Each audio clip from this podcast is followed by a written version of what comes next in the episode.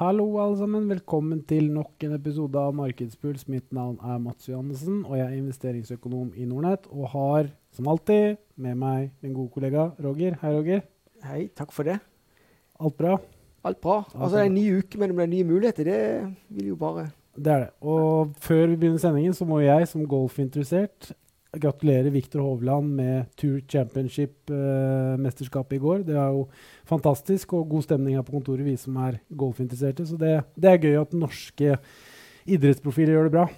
Ja da, og jeg, jeg, spiller ikke golf, følger egentlig ikke med på golf, men eh, jeg er vel en sånn standard nordmann når det kommer til det. Vi er jo dratt med på store overskrifter i, uh, i sportsverdenen. Mm. Så litt, uh, litt, om det før vi begynner på agendaen vår, som da er Vi skal snakke litt om statusen i aksjemarkedet. Og gjerne da Fed-møtet som var i Jackson Hall i forrige uke. Uh, og kanskje komme litt inn på tall også. Før vi da skal snakke litt om Kina, som da har kutta skatten på aksjer. Uh, for å stimulere til ny handel. Så det kan jo bli også spennende å se ringvirkninger av det. Men hvis vi begynner på Fed-møtet, Roger, så var jo det denne berømte samlingen i Jackson Hall, eh, som de har eh, hvert eneste år. Eh, der kom det vel egentlig ikke sånn veldig mye nytt. Det eneste som kom, var at uh, Fed-sjef Jerome Powell var jo fortsatt ganske haukete. Altså veldig positiv til rentehevninger, for å bruke det uttrykket. Um, uh, men sånn markedsmessig ettermøte så ble det vel priset inn uh, en 50-50 sannsynlighet for en ny heving i november og tilnærmet uendret i september, da. Uh, som var da det markedet også så på uh, Altså det samme som markedet trodde før uh, møtet. og så Det som kanskje var mest interessant å se, var vel at det var Det man mener med kall det haukete og positivitet, er jo det at han uh, tror at denne, dette kuttet, det rentekuttet det blir skjøvet lengre ut i tid enn uh, hva kanskje markedet trodde. da. Så det er jo Alt avhenger jo selvfølgelig av inflasjon, arbeidsledighet osv. Men alt i alt så er det jo et veldig sånn uh, signal på at rentene skal være relativt høye lenge nå, og de ser ingen store tegn til at renten skal kuttes med det første, i hvert fall. Nei da, altså Hvis vi bare tar og summerer det opp i veldig korte trekk altså Intet nytt er godt nytt. Det kommer ikke noe nytt i talen i forhold til når, for de som har lest referatene etter de foregående rentemøtene. Det har vært en haukete tone fra Fed eh, i en god stund. Eh, rentekurven har jo liksom kommet et par hakk til opp. Eh, spørsmålet, eller det store spørsmålet, er jo den her istida som er i, i, i, i verden, altså hvor, hvor, det er geopolitiske spenning, om, om, om, om uh, det kan gi seg. Og om det gjør det, så kanskje kommer veksten nå tilbake. Og da slipper vi da en hard landing, at vi heller kan få en myk landing i amerikansk økonomi, som vil være veldig godt nytt, eller som vil være godt nytt for, uh, for uh, aksjemarkedene. Mm. Samtidig som hvis vi nå skulle få litt lettelse på dette geopolitiske, så kan jo det igjen forsvare til at renten vil stige enda høyere, med tanke på at uh, ting kommer i gang og du får virkelig en økonomisk vekst igjen. Nå ser vi jo avtagende økonomisk vekst, men man ser jo på husholdningene så begynner jo Det kommer jo shoppetall i dag, vi spiller jo dette inn mandag. Uh, det kommer jo shoppetall for juli måned uh, i Norge spesielt, og den er jo overraskende ned. Så det er tydelig at økonomi, altså rentehevningene begynner å virke. Da. Nå er jo riktignok rentehevninger på boliglån osv. ikke så veldig interessant i USA, for der er det stort sett fast rente i forhold til Norge, som stort sett bare har flytende rente. Men, men, men det begynner jo å skje ting i verden. Man ser jo det på husholdningsøkonomien, øh, og ikke minst dette med biler og alle sånne typer dyre forbruksartikler som begynner å bli kraftig øh, påvirket av øh, lavere kjøpekraft hos befolkningen. Altså, jeg er litt spent på akkurat det med hvis vi da skulle få den økonomiske veksten, om rentene må fortsette enda høyere opp, eller hva som skjer da. Det, men, men, det viktige er jo i, i, det store og hele så er det viktige er jo det om inflasjonen kommer under kontroll og kan jo som ligger vake der eh, i nærheten av målet på 2% eller kanskje i overkant av 2% Det som jeg husker, det, det, det savner jeg litt uh, fra disse Fed-toppene. det er at jeg, jeg mener å huske for en fire-fem år tilbake så, så uh, sleit jo uh, sentralbankene, eller iallfall Fed, med å få renta eller få inflasjonen opp på 2% Og da snakket de om at de ville akseptere at renta over en lang periode lå over 2 Eh, det er jo det han gjør nå. Uh, Inflasjonsforventningene de neste ti årene de ligger vel på 2,3 eller 2,4. Altså noe i den, altså i den gata der.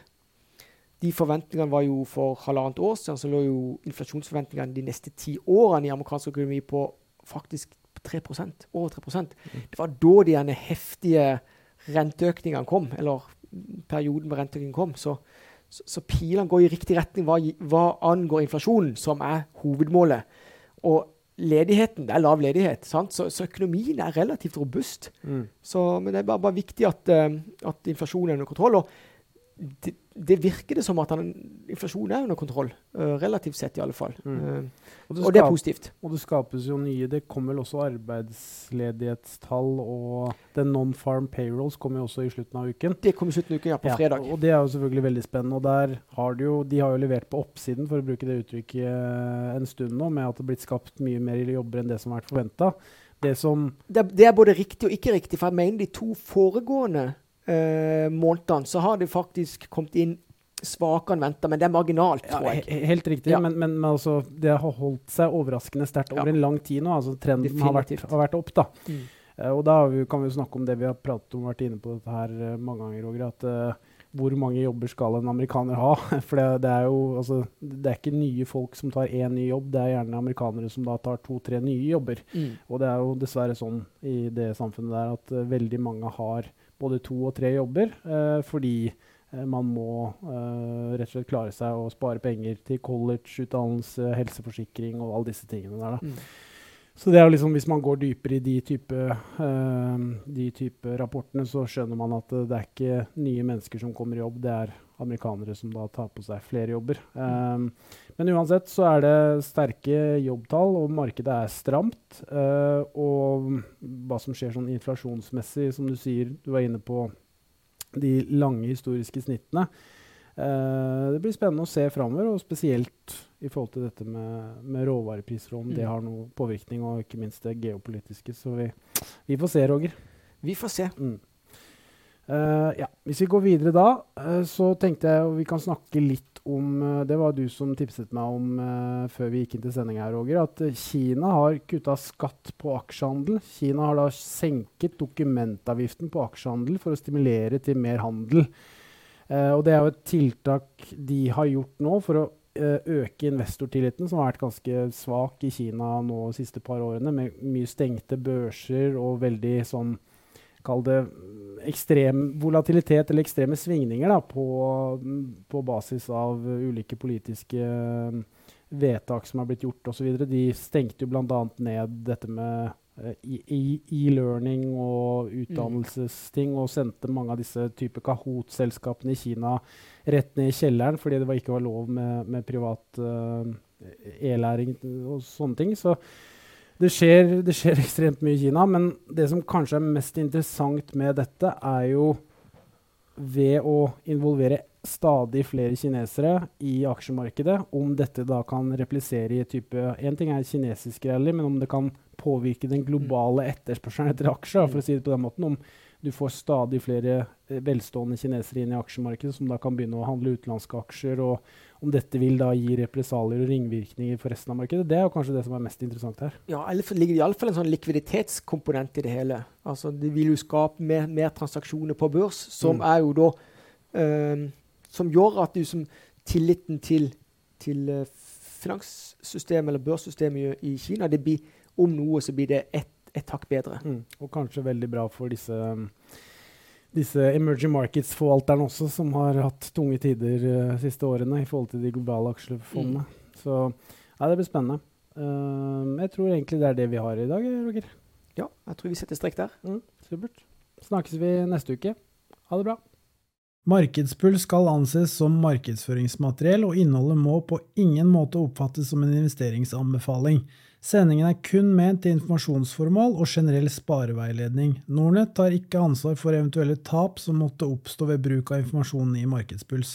Jeg og Roger som Nordnetts tallpersoner kan ha eierinteresse i selskapene som omtales i sendingen.